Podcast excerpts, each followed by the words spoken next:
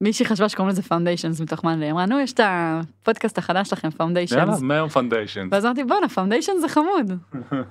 צריך לראות מה המשמעות של שני הדברים באנגלית. נכון. לא אבל. דווקא foundation זה כזה זה ה foundation של משהו. כן. כן. ו fundamentals גם יסודות, אבל אה, מעץ, כן. מעץ. יאללה. Startup for startup for startup.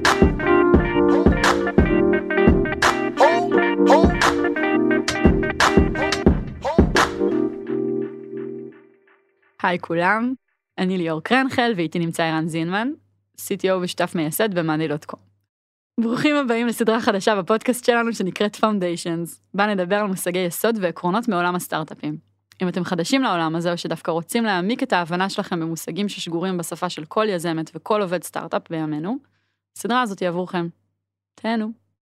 אז בפרקים הקודמים של Foundations דיברנו על ההיסטוריה של חברות SaaS ועל המטריקה הראשונה והבסיסית ביותר, ARR. אם עוד לא שמעתם אותם, במקרה של הסדרה הזו אנחנו ממש ממליצים לשמוע את הפרקים לפי הסדר. פרק של היום נדבר על CAC ו-LTV, שתי מטריקות שהולכות יד ביד, ותכף תבינו בעצמכם למה. אבל לפני כן, בסוף הפרק הקודם, הזמנו אתכם לשאול אותנו שאלות על ה-ARR. ועשיתם את זה. ערן, תפסיק להעמיד פנים שאתה לא בחדר. לא, אני בחדר, אני מנסה לעקוב אחרייך. אז לפני שנצלול למטריקות הבאות שלנו, אנחנו שנייה נתייחס הם לא לשאלות אמרת לי ששאלו היי אותנו. בהתחלה. היי ערן. היי ליאור. סליחה. טוב, אז שאלו אותנו שתי שאלות. אז ברק הקשיב לפרק שלנו, הפרק הראשון של ה foundations שלנו, ושאל, האם אתם עדיין בחקירה של מודל ה pricing שלכם? היו על זה כמה פרקים מעניינים, ובאחד האחרונים נאמר שעדיין לא הצליחו להזיז את המחט, ועכשיו נראה שיש לכם free plan, משהו שלא זוכר שנתקלתי בו בזמן האחרון, מאז שאני עוקב אחרי הפודקאסט שלכם. אז זאת השאלה שברק שאל. הייתה שאלה בהתחלה, האם אנחנו עדיין חוקרים את ה pricing שלנו. נכון, ו- וגם איזושהי שאלה על free tier. כן. האם אי פעם היה ספק עם המודל העסקי שלנו, אם אנחנו חברת SaaS? אה, לא, זה לא. זה לא. זה לא. לא, אני אומרת, מתחילה מההתחלה. תמיד ידענו שאנחנו subscription, וכן, וגם תמיד גבינו כסף, אה, כן. נכון? מ-2014, כן. כשהתחלנו את הסטארט-אפ אז לא גבינו כסף, כי לא ידענו שום דבר, וכשהוצאנו את הגרסה הראשונה של המוצר, ה- שהוא הבסיס למוצר היום, אז אה, התחלנו לגבות כסף לשירות, ותמיד זה היה subscription. אוקיי, והנה זה מתחבר לי לעוד שאלה. כי השאלה השנייה הייתה שאלה שאדם שאל, אה, והוא בעצם סיפר שהם חברת סטארט-אפ והם חברת SaaS בעצמם, ושהם מסיימים MVP, ושהפעולה של האתר יחסית בסיסית, אז אין כל כך מקום להתבסס על freemium, והם חשבו להרוויח פרסומות, מה- מהפרסומות שבאתר. הם שואלים אם זה מומלץ. האם אה, בימינו לעשות מוצר חינמי ולהרוויח לעשות מוניטיזציה מתוך פרסומות באתר, זה דבר מומלץ. אוקיי, אז לגבי השאלה הראשונה, אנחנו כן עושים כל הזמן בדיקות ושינוי ב pricing, אנחנו מערערים תמיד על דברים שגם היו בעבר, לדוגמה עכשיו אנחנו, יש לנו טסט מאוד גדול של free tier, גם בישראל, אנחנו פתחנו אותו לכמה מדינות. מה זה אומר טסט? טסט זה אומר שאנחנו, אה, זה- קצת, זה לא בדיוק טסט, אנחנו בעצם פותחים את זה בהדרגה per מדינה, כי כל מדינה מתנהגת אחרת, אה, וגם קשה לעשות על זה A-B טסט, כי בעצם אה, אנחנו לא יכולים שבן אדם אחד מהמדינה יראה פרי והבן אדם השני לא, כי יש אה, לפרי איזשהו מידה של חבר מביא חבר. אה, אז אנחנו בעצם אה, עוצרים את הסייקל, אנחנו פותחים את זה בהדרגה במדינות. אה, אז זה נגיד טסט אחד מאוד מאוד גדול שאנחנו עושים. כלומר, אם עכשיו עד היום בקנדה, כשהיו נכנסים לאתר, בישראל אגב. סתם דוגמה לא, אני אומרת, כן. אוקיי, אם עד היום בישראל היו נכנסים לאתר של מאנדיי והיו רואים שבועיים ניסיון ואז תשלום, כל מי שייכנס מישראל היום, אם זאת מדינה שנבחרה להדרגתיות הזאת, יקבל מוצר חינמי, פרי טיר, זאת אומרת שכבה שהוא יכול לשמש בו בחינם בלי הגבלת זמן, וכן. עם הגבלה של אה, פיצ'רים ויכולות. ולגבי התמחור עצמו אנחנו עושים כל הזמן אה, ניסויים, אנחנו מנסים לשנות, מנסים לשנות אה, קומפוננטות בין חבילות כל הזמן, זה משהו שלא יפסיק לעולם בחברה. ותמיד, בגלל זה אני גם כאילו אומר, תורידו את הלחץ מלקבוע את זה נכון בהתחלה, תשנו את זה עוד מיליון פעם. את מה? גם את את ה- המחירים את עצמם? המחירים עצמם, את החבילות, מה נכנס בכל חבילה, איך מתמחרים, אין לי ספק. איפה היית מתחיל עם זה? הייתי מסתכל, אה, מה, מבחינת לקבוע מחירים. כן. א', מה שהחלטתם תעשו פי שלוש, זה כבר אה, טיפ ראשון. אה, צריך להסתכל בשוק, להסתכל מה חברות אחרות עושות, בדרך כלל נותן איזשהו בנצ'מרק, יש לתעשיות שונות benchmarkים שונים, זאת אומרת, נגיד לכלי CRM שמנהלים צוותי sales, נגיד traditionally, יותר יקרים מכלי project management. אה, ויש אה, חברות שנגיד מטפלות ב ticketing, אה, customer support יותר זול מ project management, אבל בסוף זה מתגבש סביב איזשהו ממוצע בכל תעשייה. ומה עם הטיעון הזה, כי זה האזורים שלפעמים שואלים אותם בלי לשאול, מה עם הטיעון הזה של המוצר שלנו עוד לא מספיק טוב כדי לגבות עליו כסף, כן. ואנחנו, הם design partner, אנשים אומרים הרבה פעמים, הם הלקוחות הראשונים, והם רק עוזרים לנו לבנות את המוצר, ו... כן, זה מה שנקרא בעיניי common pitfall. אה, א', design partner זה דבר נוראי. כי למה? בס... כי אתה בונה משהו למישהו שלא מבין בעצמו מה הוא צריך, ובדרך כלל זה גם עם חברות גדולות, כי לא תעשה design partner עם סטארט-אפ של חמישה אנשים, ואז יגררו אותך למסע של מוצר שמתאים לחברה גדולה ואתה לא בשל לזה, ואתה שם מה שנקרא את כל הביצים בסל אחד, מאוד מסוכן. ראיתי הרבה סטארט-אפים שנסגרו על זה. והקטע הזה של המוצר לא מספיק בשל, זה נכון, אבל יש פה איזושהי הנחה בשאלה שזה שתגבו פחות כסף הוא יהיה יותר בשל, אין קשר. כאילו, אנשים רוצים להשתמש ולשלם לכם מסיבה מסוימת, אולי אתם עדיין לא מבינים אותה עד הסוף, אבל זה לא בגלל שאתם יותר זולים. כאילו, אם זה המחיר שהם רגילים לשלם, עדיף לגבות את המחיר האמיתי, זה גם ייתן לכם ולידציה יותר טובה לגבי האיכות של הפתרון שלכם ומול משקיעים, ויהיה בסיס יותר נכון להמשך. נכון, עוד משהו שאנחנו תמיד אומרים אה, באזורים האלה גם זה שהעבודה אחר כך עם הפידבק על המוצר של לקוח ששילם, זאת אומרת פידבק שמגיע מלקוח שמשלם מול פידבק שמגיע ממישהו שפשוט אה, צרך את המוצר חינמית, הוא לא, הוא לא, הוא לא באותה איכות. שונה לגמרי, כן. ואז היכולת גם לשפר את המוצר על בסיס הפידבק של, ה, של המשתמש היא, היא שונה באזורים האלה. מסכים. אז זאת הייתה השאלה הראשונה של ברק. כן. ואז, אני אגיד את זה שוב, אדם שואל בעצם, הוא מספר שיש לו סטארט-אפ והם בשלבים מאוד מוקדמים, ולתחושתם הפעילות, הפעולה של האתר או הערך שהיא נותנת הוא, הוא, הוא בסיסי יחסית, והם לא כל כך חושבים שהם יכולים לתת מודל freemium, לא ברור מהשאלה למה, והם שואלים אם יכולים, הוא שואל אם אפשר להרוויח מפרסומות באתר, כמודל כן. עסקי. אז תראה, זה- מה שאני מניח שהוא בונה חברת SaaS, הוא לא בונה חברת פרסום. של אה, עתק, כאילו. כן. או מידיה. שמע, אתה יכול, אה, אבל אין לזה משמעות. אה, אני מניח שאין המון המון traffic באתר. אם היה המון המון traffic אז אה, כבר היה אפשר לעשות לו מוניטיזציה ולהרוויח subscription אז אין לזה ה- ההכנסות שהגיעו מפרסום הן אפסיות. זה distraction. באופן כללי revenue שמגיע מפרסומות זה לא נקרא לזה revenue טוב. משקיע, המכפיל שמקבלים עליו הוא לא גבוה השווי של ה-revenue הזה הוא בגלל שהוא לא recurring בגלל שהוא לא יציב וחוזר עצמו הוא, הוא לא גבוה. אה, אז כמובן שיש חברות שמרוויחות המון כסף מפרסום כמו גוגל ופייסבוק אבל זה בגלל שהם אה, owning the channel שהפרסום הוא, הוא תוצאה של ה traffic האדיר שהן מביאות. במקרה של חברת SaaS אני חושב שזה לא הייתי עושה את זה בקיצור. ואם זאת חברת מידיה, כאילו אם זה ynet היום, זה כן עובד? זה עובד אבל אף אחד לא רוצה להיות ynet. כאילו לא אין לי בעיה אישית עם ynet כן. אבל uh, אתה לא רוצה להיות חברה שמרוויחה כסף מפרסום אם אתה לא owning the channel וכאילו מגיע למסות אסטרונומיות של, של בני אדם שמשתמשים בשירות כי זה פשוט זה חברה שהיא יהיה לה מאוד קשה לצמוח ולהגיע לשווי גבוה. וגם המקום הזה של להפריד בין הערך לבין היכולת לייצר אה, כסף מהערך היא, היא דיפוקוסינג בעיניי. זה שעכשיו אתה כפאונדר מחזיק שני, שני דברים בראש.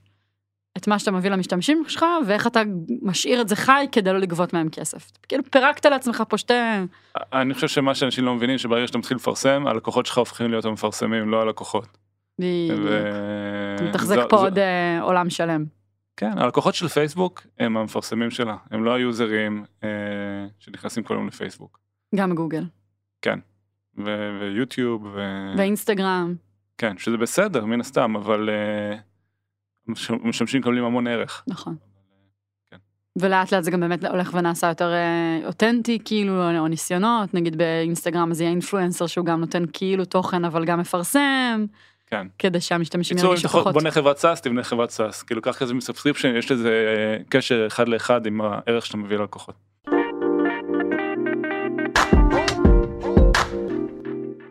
בנימה אופטימית זו אנחנו עוברים אה, למטריקה הבאה שלנו כן. שהיא CAC. כן. אה, CAC זה customer acquisition cost נכון. מה זה אומר בעברית ערן? אה, אז ראשי תיבות של customer acquisition cost. כמעט נהיה לך נוח התחלת להגיד לי נכון לא, כן כן. ללמד אותך מה זה קאק. אני אשמח. אני חייב להגיד שעד היום אני לומד כל הזמן על כל מטריקה זה פשוט מטורף. האמת שבכלל, אתה יודע מה, בוא נגיד על זה מילה, כי זה גם בפרק הקודם, כן, הרגשתי שזה זה, חסר. לא? כן, אבל בא לי שהפעם, הפרק הזה, נשים את הגרף שהבאנו בכנס Unplugged שעשינו על אה, מטריקות, שאומר, ת, ת, תסביר אותו, כי, כי זה היה כן. פיצוח איך שלך, זה נקרא? קרוגלר אפקט? יכול להיות? לא זוכר. כן, משהו שמתחיל ב-K עם אפקט אחר כן. כך, לא, זה רמת הביטחון שלך בתחום מסוים לאורך זמן, אז בידע בהתחלה, שלך בביטחון, כן, כן. בתחום מסוים, כן. נגיד אני יכול לשמוע את הפודקאסט הזה ולהגיד אוקיי הבנתי מה זה קאק, אז הביטחון שלך בשמיים. ואחרי זה כשאתה מתחיל להתעסק עם זה וחי את היום יום אתה מבין שאתה לא מבין בעצם כלום, יש את ה-value of despair, שאתה מגיע למקום שאתה אומר אוקיי, אני לא יודע כלום, יש לי כל כך הרבה מידע על זה, כן. ואני לא יודע, שום דבר לא מתכנס כמו ל... כל תחום שאתה מתמחה כן. בו.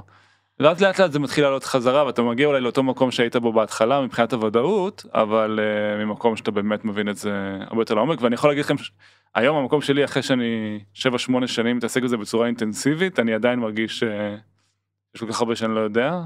ואגב משימות כמו כמו פרק כזה הן בדיוק המאתגרות כי כשבאנו לשבת ככה כשהתכוננו לפרק על קאק אתה כזה איפה אני מתחיל כי יש כן. לך על כל על כל אמירה בסיסית יש לך כל כך הרבה הסתייגויות היום בראש כן אבל גם לא בא לי להיות מעצבן ולהגיד disclaimer על כל דבר. נכון, ו... נכון כן. איך אתה מביא את זה למישהו שרק מתחיל לגעת בזה ו... לא, אז המטרה שלי זה לנסות להצליח להביא את כולם לאיזושהי הבנה ומשם שיצאו למסע שלהם כן. עם הדבר הזה בעיניי. אז customer acquisition cost אחלה אז אה, מה זה אומר בעברית אז בעברית אה, בוא נתרגם את זה ישירות אה, כמה עולה להביא לקוח משלם. כמה עולה לחברה להביא לקוח משלם אחד. יותר מדויק. אה, אני גם תמיד מדייק כשאני מסביר את זה לאנשים כי זה לא אינטואיטיבי. זה אומר כמה כמה עולה להביא לקוח משלם אחד לא משנה כמה הוא שילם. אז כזה אנשים אוקיי. כי תמיד כשאנחנו חושבים על זה אנחנו מסתכלים על הלקוח הטוב. זה שנשאר איתנו הרבה זמן ומשלם לנו הרבה כסף. אבל uh, יש לקוחות גם ב-Monday אני חושב שהחבילה הבסיסית שלנו היא 29 דולר לחודש. אז יש לקוחות שאנחנו נביא וישלמו לנו 29 דולר לחודש חודש אחד ויעזבו. נכון. אמ, אז, אז החישוב של קאק זה בעצם כמה עולה להביא לקוח משלם אחד לא משנה כמה הוא שילם לי בממוצע. כן וגם התהליך הוא הפוך כי אתה אומר כמה הוא שילם אבל כשאתה מביא את הלקוח אתה לא יודע כמה הוא ישלם זאת הנקודה אתה כאילו נכון. עושה פה היפוך של עבר הווה עתיד. אני כמה אני הולכת להוציא על לקוח ואחר כך אני אגלה אם הוא נשאר איתי שנים ו... ושילם לי מלא או שהוא שילם לי על חודש אחד 29.90. כן, בסוף זה, זה איזשהו מספר שעוזר לי להבין כמה עולה להביא לקוח משלם. אה, זה לא אומר לי כלום על כמה זמן הוא יישאר, כמה הוא ישלם לי, אם שווה לי להביא אותו, לא להביא אותו. זה גם תמיד הסתכלות היסטורית על מה עשיתי. בדיוק. בשביל להביא לקוח אה, אנחנו צריכים להוציא כסף, בדרך כלל. לקוחות לא נופלים עלינו מהשמיים. אז אה, הכסף הזה בוא ננסה לחשוב אינטואיטיבית ביחד. אה, זה מן הסתם פרסום.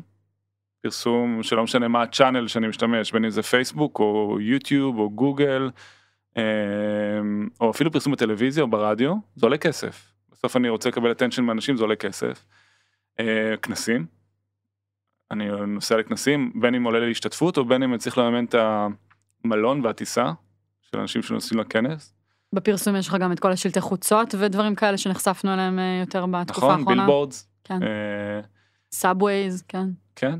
אה, משכורות של אנשים. עכשיו משכורות של אנשים בעיקר וזה אנשים אה, כאילו customer acquisition cost זה גם כולל את המשכורות של מי שתורם לתהליך המכירה שזה בעיקר אנשי מכירות. אז אם אנשי מכירות בעצם מעורבים בתהליך אנחנו צריכים להכניס גם את המשכורות שלהם כי בסך הכל הם לא עובדים פה הם עובדים בשביל זה. נכון. אם לא היה לנו אותם לא היינו צריכים לרכוש את הלקוח. אה, אז זה לא רק להביא את הלקוח זה גם להמיר אותו בעצם לקוח משלם. מהמם. אמ, אז בעצם אנחנו לוקחים את כל הדברים, כל ההוצאות שבעצם קשורות ל- להפוך בן אדם ממעניין ל... לקוח משלם. כן, ללקוח משלם. זה הרציונל, ואגב זה לא רק אה, לטק, אה, אפשר לחשוב, אנחנו משתמשים הרבה בדוגמה של חדרי כושר, כי יש להם subscription, אז גם הולמס פלייס, אה, לצורך העניין, מפרסמים ברדיו, בטלוויזיה, ב...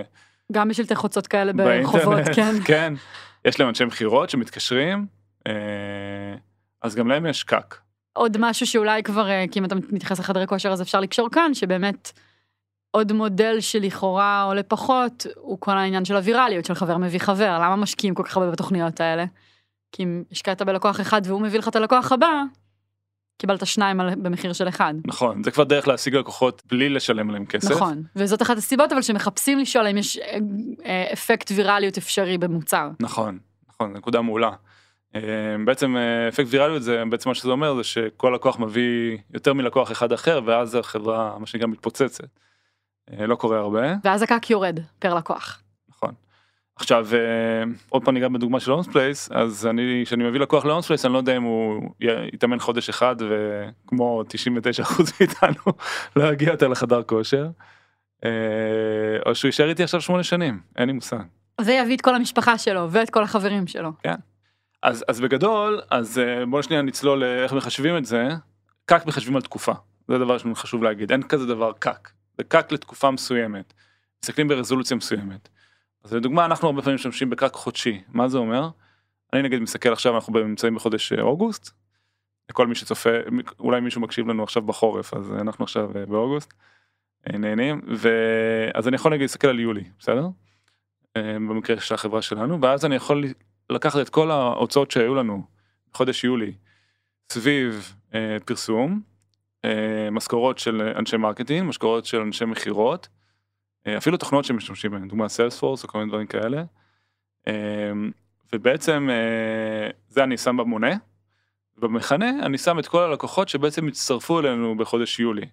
בוא ניקח דוגמה קונקרטית, אז נגיד אה, הוצאנו חודש שעבר ביולי 120 אלף דולר על אה, marketing. אה, ו sales וקיבלנו 190 לקוחות חדשים בחודש יולי. אנחנו לוקחים את ה-120 אלף דולר מחלקים ב-190 יוצא לנו ממוצע 631. אני לא מחשבון אנושי יש לי זה פה רשום על הדף. אבל טה טה טה. כן. טה-טה-טם.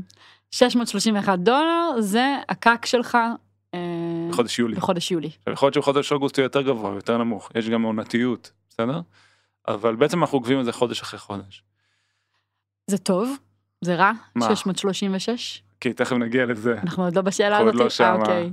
לא אבל חשוב לי להגיד כמה דברים כי כל חברה היא שונה אז אנחנו מסתכלים על זה בצורה חודשית אבל בוא נגיד ניקח דוגמה אחרת נגיד יש לי עכשיו חברה. אה, אנחנו מסתכלים על זה ככה כי אנחנו no touch הרבה מאוד לקוחות מתקנברטים מהר יש לנו גם 14 יום trial. מה זה no touch? אמרת פה מלא מילים. לא no touch זה אומר שרוב האנשים הופכים להיות משלמים בלי איש מכירות. אה, יותר מזה אני אגיד לך בגלל שאנחנו bottom up. זאת אומרת המתחילים להשתמש במוצר מלמטה וזה לא המנכ"ל צריך לקבל החלטה. אין המון friction סביב להתחיל להשתמש ב monday זה לא לוקח זמן. נכון. אה, עכשיו בוא נחשוב על מוצר אחר. רגע, אבל לנעוץ אוקיי. את מה שאמרת, אז הסיבה שאתה יכול להסתכל על זה במונחים של חודש, היא בעצם שמהרגע ששילמת עד הרגע שראית את הפירות בחזרה, שהבנת עם הלקוח מיהו הלקוח, עובר זמן קצר. נכון. נכון? זה מה שאתה בעצם אומר. בממוצע חודש כן ולכן יחידת זמן של חודש רלוונטית לך. נכון. אבל אם אנחנו מדברים על חברה שבה התהליכים האלה של מהרגע שמישהו פגש, הפך לליד מה שנקרא, ועד הרגע שהוא הפך להיות לקוח משלם עוברים שלושה חודשים או חצי שנה, בדיוק זה הנקודה. יש יש אה, מוצרים ש... יכול להיות כל מיני סיבות למה זה לוקח זמן. בין יכול להיות סיבה שנגיד אה, מישהו מלמעלה צריך לקבל החלטה.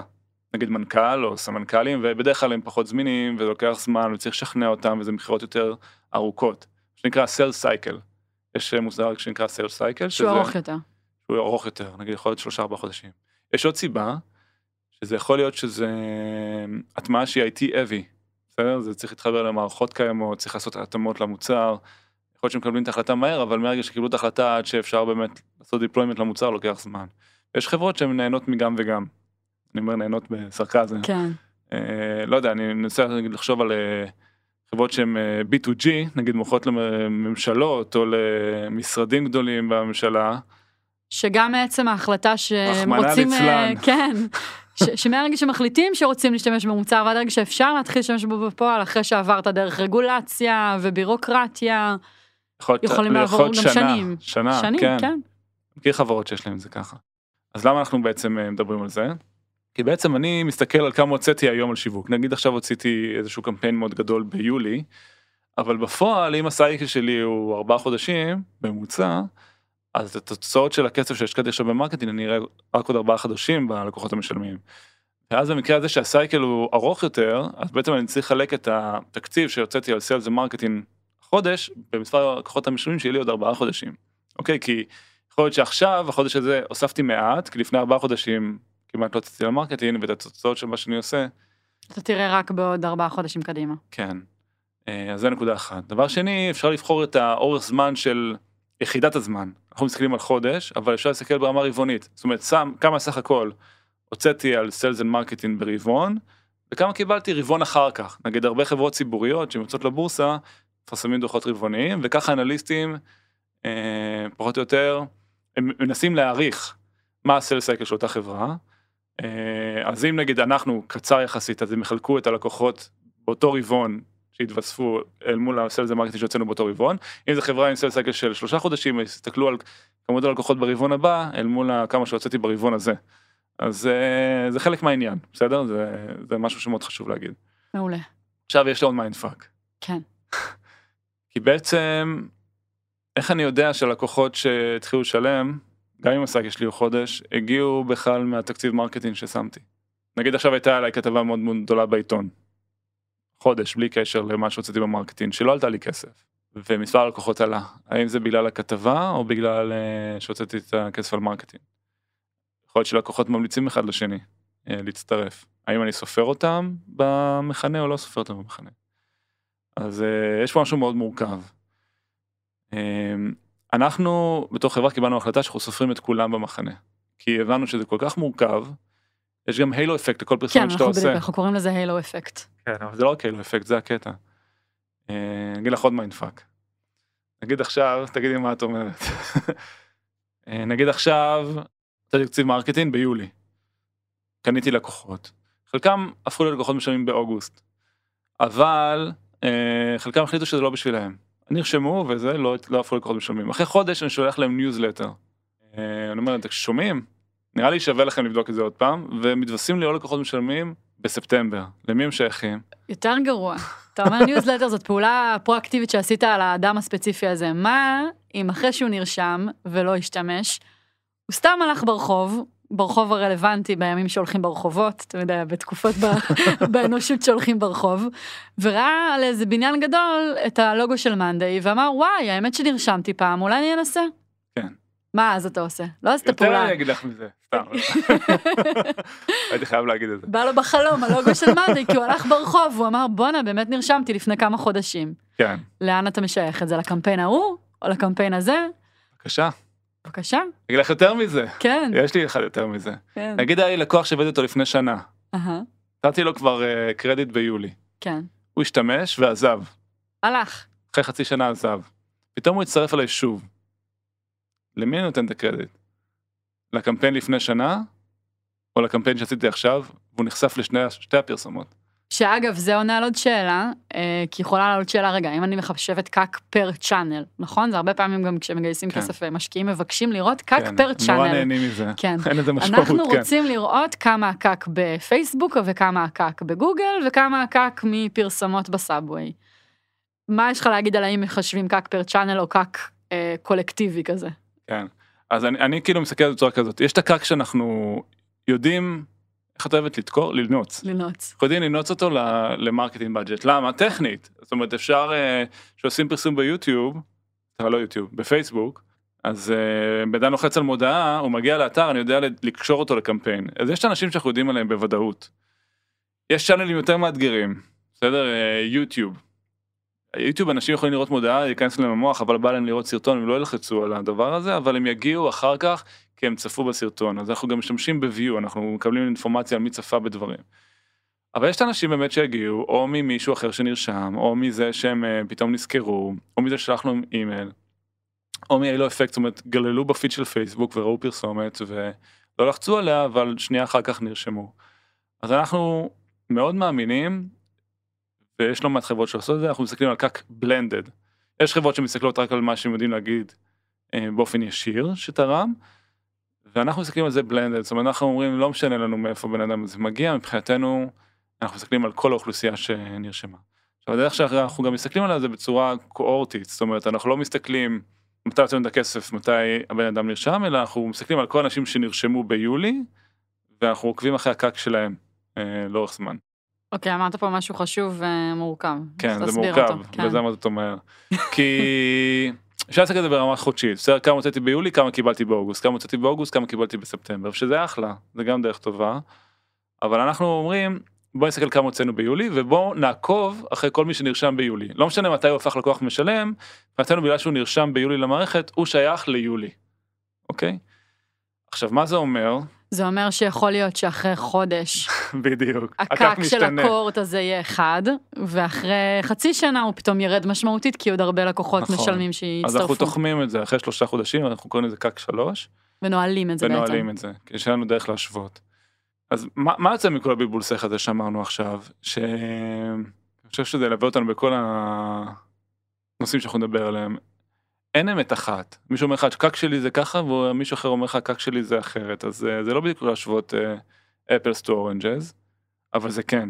כי בסוף מה שחשוב זה להיות עקבי. ברגע שאתה עקבי בדרך שאתה מחשב לאורך זמן, אתה תראה טרנדים, וזה הקטע החשוב. אתה תראה טרנדים, גם אם אתה לא מדויק עד הסוף, אתה תבין בול פארק, איפה אתה נמצא. זאת אומרת, כמה, בסוף אתה תבין כמה עולה לך בשביל לקוח משלם. לא משנה איך אתה תחשב את הדברים, יכול להיות יותר מדויק, פחות מדויק, כל עוד אתה עקבי בשיטה. בדיוק. ו... וזה חשוב. זה חשוב לעקוב אחרי הדבר הזה. וגם חשוב מתוך מה שאמרת, לעשות אדפטציות שנכונות למוצר ול... ולמודל העסקי הספציפי. ברור. כאילו ללכת ולקחת את השיטה של חברה אחרת ולהגיד, אה, הנה זה מה שישרת אותי, זה לא נכון. זו נקודה מעולה. אתה צריך להבין מה ה cycle שלך, אתה צריך להבין אה, כמה לוקח לאנשים אה, להטמיע את המוצר, אתה צריך להבין אה, אם יש לך באמת long tail של אנשים שמתקנברטים לאורך זמן, או שזה בעצם די בינארי כזה, או שמחליטים בשבוע הראשון Mm. או לא. אצלנו יש כזה long tail די משמעותי. אני, אני מתאר לעצמי, אנחנו לא חזקים עדיין ב freemium, אבל אני חושב שחברות שיש להן freemium, אה, וגם מה אנחנו... זה freemium? Free tier. כאילו שהם, נגיד עכשיו אנחנו מתחילים להוציא free tier, אבל נגיד חברה כמו Slack. נגיד, אני יודע כי דיברתי איתם, אז יש להם free tier, הרבה אנשים משתמשים ב free tier תקופה די ארוכה. אז תראו לכם שהם מוציאים כסף ביולי, ואנשים נרשמים המון משתמשים ב free, ורק אחרי שלושה ארבעה חודשים הופכים להיות משלמים בממוצע. אז הם בכלל צריכים להסתכל על זה שלושה חודשים קדימה, למרות שההחלטה היא מאוד קלה אצלהם, זאת אומרת, המוצר לא כבד. אבל ה free tier מאריך מאוד את ה... כלומר, אתה אומר ששם יש הפרדה משמעותית בין הרגע שהתחלתי להשתמש לרגע שהתחלתי לשלם. כן. כאילו, אז זה שיש לי adoption של שימוש ונתונים על זה שאני בתוך המערכת, לא אומר עדיין כלום על האם אני אשלם או לא. בדיוק. כן. שאצלנו זה היום, ברוב המקרים, נקודה אחת. יותר קל הרגע שאני מתחילה להשתמש זה הרגע שאני משלמת. נכון. אנחנו רואים עכשיו שעשינו, אנחנו בתקופה מאוד מעניינת, כי אנחנו חיים free tier ולא free tier במקביל, אנחנו רואים שיש אנשים ממשיכים להתקנברט ולהתקנברט ולהתקנברט מה free tier לאורך זמן. גם הגיוני, אם נחשוב על שנייה על הרציונל של זה, אז בן אדם משתמש, ולכל אחד נופל אסימון ברגע אחר. כן. כאילו, לחצתי על משהו ספציפי שלי הפיל איזה אסימון חשוב, או שם קיבלתי איזה ערך שחיפשתי.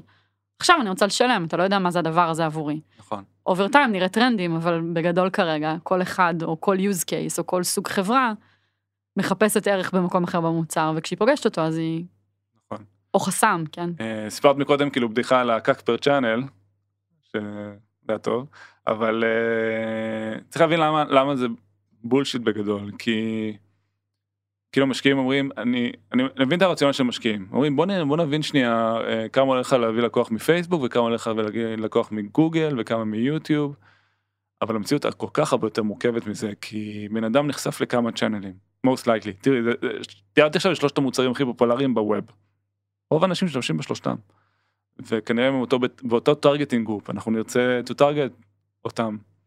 ואז אז למי אני נותן את ה attribution? כאילו אנשים רואים את כל הדברים, מה יותר השפיע עליו? זה דברים שבלתי אפשרי כאילו לחשב בצורה נכון. נורמלית, אז זה לא ממש אינדיקטיבי. אז בסוף אנחנו מגיעים עם איזשהו מספר, יוצא לנו מספר. ואז כאילו השאלה זה טוב או לא טוב, זה כאילו מה, מה זה המספר הזה אומר לי. אז אני חושב ש...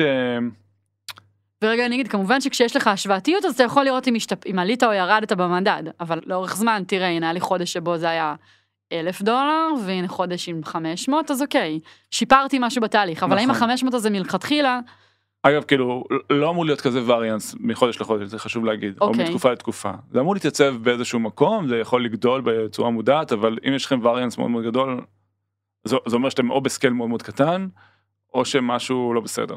זה צריך להיות די יציב לאורך זמן. כי אה, המכונה עובדת. כי המכונה עובדת וכאילו שהיא- זה לא אמור להתייקר בצורה משמעותית וככל שאתם עושים scale אתם אמורים לשפר את המוצר ולהוריד את ה CAC. אז אה, כן, במוצרים עם עונתיות גבוהה, זה לא יכול להיות שיהיה לך עונה בשנה שזה יהיה משמעותית יותר יקר להביא, כי להיות, יש כן. תחרותיות. סתם, תיירות ב- ב- בימים שהייתה תיירות. ותקציבים, לא, אני סתם מנסה לדמיין, כן. ובגוגל יותר יקר לפרסם סביב פלח שוק מסוים שכולם מתחרים עליו כרגע. נכון אבל זה שכולם מתחרים עליו זה אינדיקציה מבחינתי שהרבה אנשים רוצים להתקנברט בסוף קאק זה זה שילוב של אה, כמה הוצאתי על וסיילס נכון. וקונברז'ן. אז נכון. בתקופה חמה שיש יותר תחרות בין מפרסמים אני מניח שהם מתחרים כי יש קונברז'ן יותר גבוה כי אנשים אינטנט. אז גם אמנם כסף שתוציא, אבל גם כמות הלקוחות שתביא, אז זה אמור כן, בסוף להיות... לא אמור אה, להיות דבר עונתי. טוב עכשיו מה זה טוב? מה אז, זה טוב? אה, פה דווקא אני לפעמים מעביר הרצאות על סאס אז אני יש לי כזאת שאלה שאני שואל את הקהל בגלל שזה מדיום שהוא. אני. הקהל שלך, כן, את יודעת מה. התשובה אבל. אני אעשה כאילו אני לא אז יודעת. בוא נעשה ככה יש לי רעיון. אני אשאל שאלה. תחשבו נעשה כזה פאוזה ו... ותחשבו באמת, כן, אל תריצו קדימה. טוב. בוא נתחיל מהחברה שאני הכי אוהב בעולם וויקס. לא, אבל רגע, מה לא. השאלה שאתה... אנחנו בעצם אוקיי, עכשיו אוקיי. הולכים להגיד שמות של כמה חברות, שכולן חברות SaaS, מבחינת המודל העסקי שלהם, נכון, ולשאול אתכם מה אתם חושבים שה CAC שלהם. נכון. והשאלה היא לא על מספר, בסדר? כי כשאלנו את זה בקבוצת פייסבוק שלנו, אז אנשים נבהלו קצת. אה שאלנו את זה? כן. מה זאת אומרת? שאלנו בקבוצת פייסבוק נו. שלנו מה דעתם, ו... וזו שאלה סגורה מדי מה דעתכם, נחש מה המספר. אני מחפשת שתחשבו מול עצמכם שנייה, האם אתם חושבים, תכף נגיד מי ארבעת החברות האלה, שיש להם CAC דומה, שהוא שונה, אם הוא שונה, למה הוא שונה, זה, זה השאלות שצריך לשאול סביב הדבר הזה. אז הנה ארבעת החברות. טוב אז נתחיל בוויקס. חברה ש- מספר אחת, וויקס. כן. חברה מדהימה. מה ה CAC שלה? אנחנו אומרים כבר? לא, אנחנו רוצים למקם כן, את כל אוקיי, ארבעת נגיד החברות. וויקס, תנחשו- תחשבו מה ה CAC שלה. כמה עולה לוויקס להביא לקוח משלם? בדיוק, אוקיי. חברה של 15 מיליארד. נכון. אני אקח עוד חברה של אה, קטנה שנקראת זום. שבימינו אף אחד לא מכיר, כן. כולנו משתמשים מי בה היה עכשיו. מאמין לפני חצי שנה שאם תגיד לסבתא שלי זום, היא תדע מה זה זום. אז זום חברה של אה, לא יודע 50 מיליארד דולר 49. כן. זה בטח מאז שכתבת את זה זה עוד כמה מיליארדים כן. כן. כמה עולה לזום להביא לקוח משלם חדש. ואז אה, ניקח עוד חברה שהיא בתחום של ה-work productivity שאנחנו נמצאים בו Slack גם חברה של אה, 10 מיליארד דולר. אני לא מבין את הכתב שלה. 15 אה, וחצי. 15 וחצי. ליאור כתבה לי פה אבל אני לא מבין את הכתב. אה, 15 מה- וחצי מה מיליארד. ה CAC של- של Slack, כן. אוקיי? ומה ה CAC של monday? מה ה CAC של monday? אני בטוח שכולכם ניחשתם נכון, אבל יש שונות מטורפת בין החברות. ותיארתי פה עכשיו ארבע חברות. אה, הנמוכה ביותר בהם, סדר גודל, כן, אל תתפסו אותי במילה, אני מצטער אם אני טועה פה, אבל אני לא טועה בהרבה, וויקס, אני מעריך בערך 50 דולר להביא לקוח משלם. אחד. זום, וזה אנחנו יודעים מהדוחות שלהם, נכון? בערך 2,500 דולר להביא לקוח משלם. שימו לב איזה שונות, 50 דולר, 2,500. Slack, 7,700 דולר להביא לקוח משלם אחד. ב monday, 1,000 דולר להביא לקוח משלם. עכשיו תחשבו- שנייה על Slack, בסדר? Slack, 7,700 דולר להביא לקוח משלם אחד. עכשיו תחשבו, בטח יש פה מישהו שמאזין לפודקאסט, שנרשם ל Slack, שילם לה איזה חודש ועזב. כמה משלמים ל Slack בחודש? 8 דולר לחודש? אמרת גם שיש להם free tier משמעותי. לא, אבל שילם, ה CAC זה מישהו נכון, ששילם. נכון. 8 דולר לחודש ועזב. מהמם. הם במינוס 7,700 דולר עליך, זה מטורף. אבל כנראה שבממוצע זה משתלם להם, כאילו זה הקטע. כאילו גם אנחנו, שעולה לנו 1,000 דולר להביא לקוח משלם, יש לקוחות שישלמו לנו 20 דולר פעם אחת וזהו. אבל מאותה מודעה יכול להגיע לקוח שהביא לך 100 אלף דולר. זה מה שחשוב שנייה לה- להבין פה. נכון. ואז השאלה בעצם שאנשים הרבה פעמים שואלים אותי זה רגע אז אז למה למה מאנדיי זה 1,000 דולר וסלק זה 3,700 וזום זה 2,500 וויקס זה 50 דולר. לפי מה קובעים את זה עכשיו יש לי סטארט-אפ מה מה סתם להציג מספר. אז- וזה יותר מזה, זה רגע להבין שזה משהו פרואקטיבי, כי באיזשהו שלב אם אתה מסתכל ומגיע למסקנה שהקק שלך גבוה, אתה תשנה את הדרך שבה אתה מפרסם. זה לא איזה מספר שמתקבע לך ואתה נכון. מסתכל עליו, זה זה לא שחשוב. נופל עליך משמיים. כן, זה, זה בעצם תקציבי השיווק והמכירות שלך הדבר הזה. נכון. אה, לצורך העניין רגע אני בכוונה שנייה מסתכלת על, על, על משהו שהוא אירוע חד פעמי, כנס. אם יש כנס שנתי, ששלושה כנסים שטסנו אליהם כל שנה מחדש הביאו לנו לקוח משלם אחד והוצאנו 50 אלף דולר כדי להגיע לכנס הזה עם הבוט ועם הטיסות והכל, לא נבוא פעם רביעית, נכון. נכון? תראי, יש את האלה שיגידו זה תורם לנו לברנד ורואים עזוב, אותנו. אני שנייה מפשטת כן, בשביל כן. להגיד, לא נחזור על קמפיין פעם רביעית, אם קמפיין אז תצרוב את זה בפייסבוק, לא משנה. עשית קמפיין והוא הביא לך לקוח אחד והוצאת עליו עשרת אלפים דולר. נכון, לא תעשה את הקמפיין הזה בפעם השנייה, השלישית, הרביעית, אחרי שהבנת שזה פשוט לא עובד. נכון. אז אה. חשוב להבין שיש פה איזושהי החלטה אקטיבית לקבל סביב הקאק. נכון. אמ, בסוף יש ואז בגלל זה אני שואלת, איך אתה. יודע? יפה. אז, אז איך שאתה יודע, זה מאוד מתקשר לנו לנושא הבא שלנו שאנחנו הולכים לדבר עליו, שזה LTV, שזה ראשי תיבות של Lifetime Value. זה נשמע מאוד מפוצץ, אבל uh, בוא שניה נגיד את זה בצורה אינטואיטיבית. איך אני קובע כמה להביא לקוח משלם? אני קובע את זה לפי מספר שהשתלם לי. מה זה השתלם לי? זה אומר שאני אסתכל אחרי זה על הממוצע של כמה לקוחות משלמים לי לאורך זמן, ואני ארצה לראות שהם במינימום בוא נגיד ככה, אם הם לא מחזירים את ההשקעה של אלף דולר בממוצע, אני בצרות, אני לפשוט רגל. אבל אנחנו נרצה במינימום שיחזירו פי שלוש, או פי ארבע, על ההשקעה שלנו. זה אומר, נגיד שבלי לדעת, בלי להכיר את סלק מקרוב, אבל אם הם מוכנים להשקיע 7,700 דולר ללקוח משלם, זה אומר שבממוצע רואים מלקוחות לפחות 20-25 אלף דולר. לאורך החיים שלהם, לא כדי בשנה. להחליט שהם שלמים עם ה CAC הספציפי הזה שתיארנו. נכון, נכון. אמ, עכשיו יש אנשים שאומרים טוב זה per תעשייה זה CAC ים שונים זה לא נכון. נגיד אפשר להסתכל על חברה כמו Salesforce וחברה מתחרה שלה בתחום של CRM שנקראת Pipedrive. Pipedrive לוקחים הרבה הרבה פחות כסף מ Salesforce, Salesforce מטרגטים קהל מסוג מסוים למרות ששניהם בונים CRM ים יש להם קאקים מאוד מאוד מאוד מאוד שונים. מהמם. אז נכון שיש תעשיות יותר תחרותיות ויותר יקרות, אבל uh, זה לא הפרמטר היחידי שקובע. זה המון המון החלטה של המוצר, למי הוא פונה, מה יכול שלו להוציא revenue מחברות לאורך זמן, uh, ועוד המון דברים אחרים.